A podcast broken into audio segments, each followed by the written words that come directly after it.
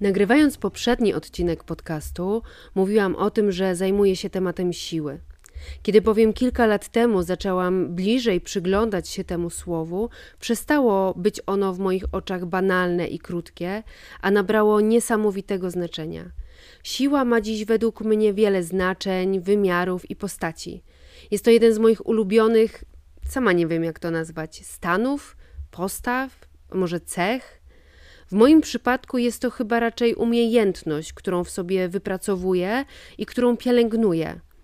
Jestem na początku drogi, na którą szczęśliwie weszłam i na której robię postępy, ale która póki co wciąż przypomina never ending story. Naturalnym jest, że kiedy myślimy o sile, to chyba pierwszym skojarzeniem jest siła fizyczna, na przykład zdolność ciała do podniesienia wymagającego ciężaru.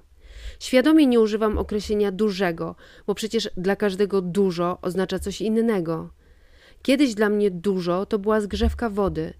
Dziś moje dużo to raczej wyciśnięcie 10 powtórzeń z ciężarem 80 kg w czwartej serii leg presów na siłowni. Nie chodzi zatem o licytowanie się, kto da więcej, ale o mobilizowanie swojego ciała do wysiłku. Przyznaję, że budowanie siły fizycznej to moja pasja. Ogromna zajawka, sposób na wypocenie, ale też na ukojenie emocji i budowanie relacji samej ze sobą. Myśląc o sile, możemy, a nawet powinnyśmy, pójść w stronę zdrowia psychicznego. Przyjęło się chyba, że silna głowa to taka, którą trudno, powiedzmy ogólnie, złamać. I zasadniczo tak, ale trzeba uważać, żeby nie przybrało to skrajnej, często toksycznej postaci. Mówię to z własnego niestety doświadczenia. Od dziecka bowiem wydawało mi się, że bycie silną dziewczynką, to znaczy taką, która nie narzeka, nie płacze nawet kiedy zdarła kolano na wrotkach i taka, która nie mówi nikomu, że dzieci dokuczają jej w szkole. Później wydawało mi się, że bycie silną kobietą, to znaczy taką, która wszystkie swoje lęki, trudne emocje, następstwa niskiego poczucia własnej wartości załatwia sama ze sobą. A właściwie to nie załatwia, tylko jak się później okazuje, zagłusza, na przykład pracą. Wydawało mi się, że bycie silną kobietą to znaczy taką, która nie płacze przy ludziach. Skończyło się jednak na tym, że postanowiłam nie płakać w zasadzie w ogóle. No i na końcu, nie mniej ważne, bycie silną kobietą to znaczy nie prosić o pomoc.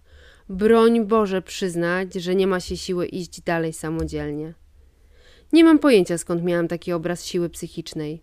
Nie mam pojęcia skąd było we mnie tak dużo determinacji i zawziętości, żeby trzymać się tej strategii.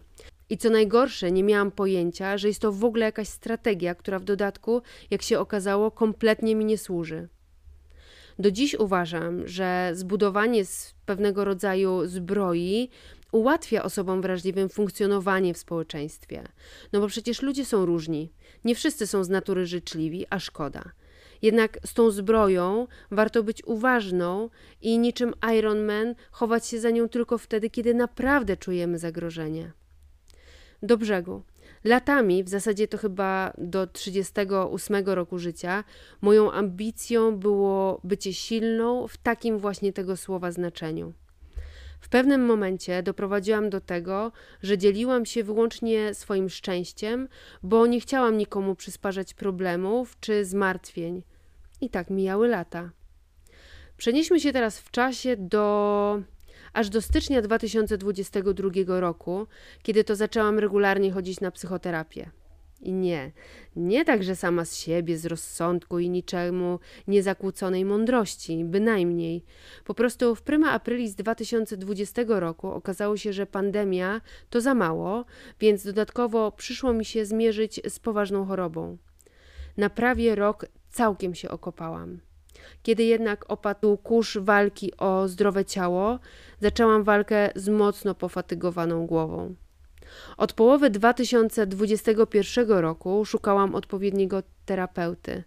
Znalazłam dopiero początkiem 2022.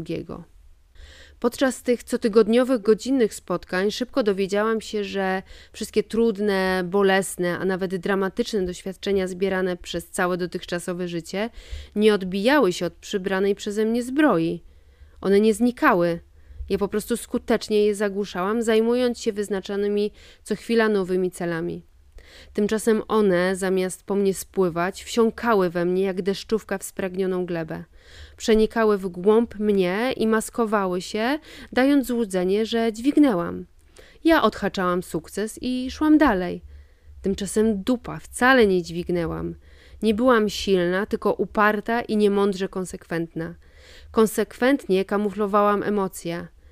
Nawet nie przed otoczeniem, to byłby pikuś. Kamuflowałam je przed samą sobą. Oszukiwałam siebie, bo tak naprawdę nie mierzyłam się z tym, czego doświadczam. Natalia de Barbaro w książce Czuła Przewodniczka napisała, że depresja to choroba grzecznych dziewczynek. Kurczę, coś w tym jest. Kiedy zajęłam się swoim zdrowiem psychicznym, to w telegraficznym skrócie okazało się, że to, jak radzę sobie z trudnościami, to nie jest przejaw siły, tylko forma ucieczki. Przyszedł czas, w którym musiałam zdecydować, czy nadal idę dotychczasową drogą, czy skonfrontuję się z tym, co czuję, co tak naprawdę czuję. Okazało się to o milion razy trudniejsze niż ta wieloletnia zajętość pozwalająca na odkładanie emocji na później. Zdałam sobie sprawę z tego, że zaczęłam budować nowy wymiar swojej siły wtedy, kiedy stanęłam twarzą w twarz z tym, w jakim miejscu się znajduję, czego doświadczyłam i jak się naprawdę z tym czuję. Sukcesywnie uczę się, żeby pozwalać emocjom być, w tym sensie, żeby cieszyć się tymi, które są przyjemne, ale też pobyć w tych, które są trudne. W moim przypadku ucieczka nie załatwiła sprawy, wręcz ją utrudniła. To, co bardzo mi pomaga w tym procesie, to trening siłowy. Tak, dobrze słyszysz. Podczas dźwigania mierzę się z ogromnym dyskomfortem i przekonaniem, że nie dam rady. Kiedy jednak powalczę, skupię się, zapanuję nad prawidłową techniką, to okazuje się, że weszło jedno powtórzenie, a za nim i drugie, a wraz z nimi poczucie satysfakcji, własnej sprawczości i zaufanie do siebie. To jest właśnie to budowanie relacji samej ze sobą, o którym mówiłam e, na początku. W pewnym sensie z emocjami jest podobnie. Kluczem jest uważne i świadome wychodzenie ze strefy komfortu. Zbierając całą tą historię w jakieś podsumowanie, to myślę sobie, że tak jak dość łatwo jest określić, czym jest siła fizyczna, tak z siłą psychiczną nie jest już to takie jednoznaczne. Czasami oznaką siły będzie przybranie zbroi, a czasami łzy i prośba o pomoc. Kiedy, jakie rozwiązanie jest najlepsze?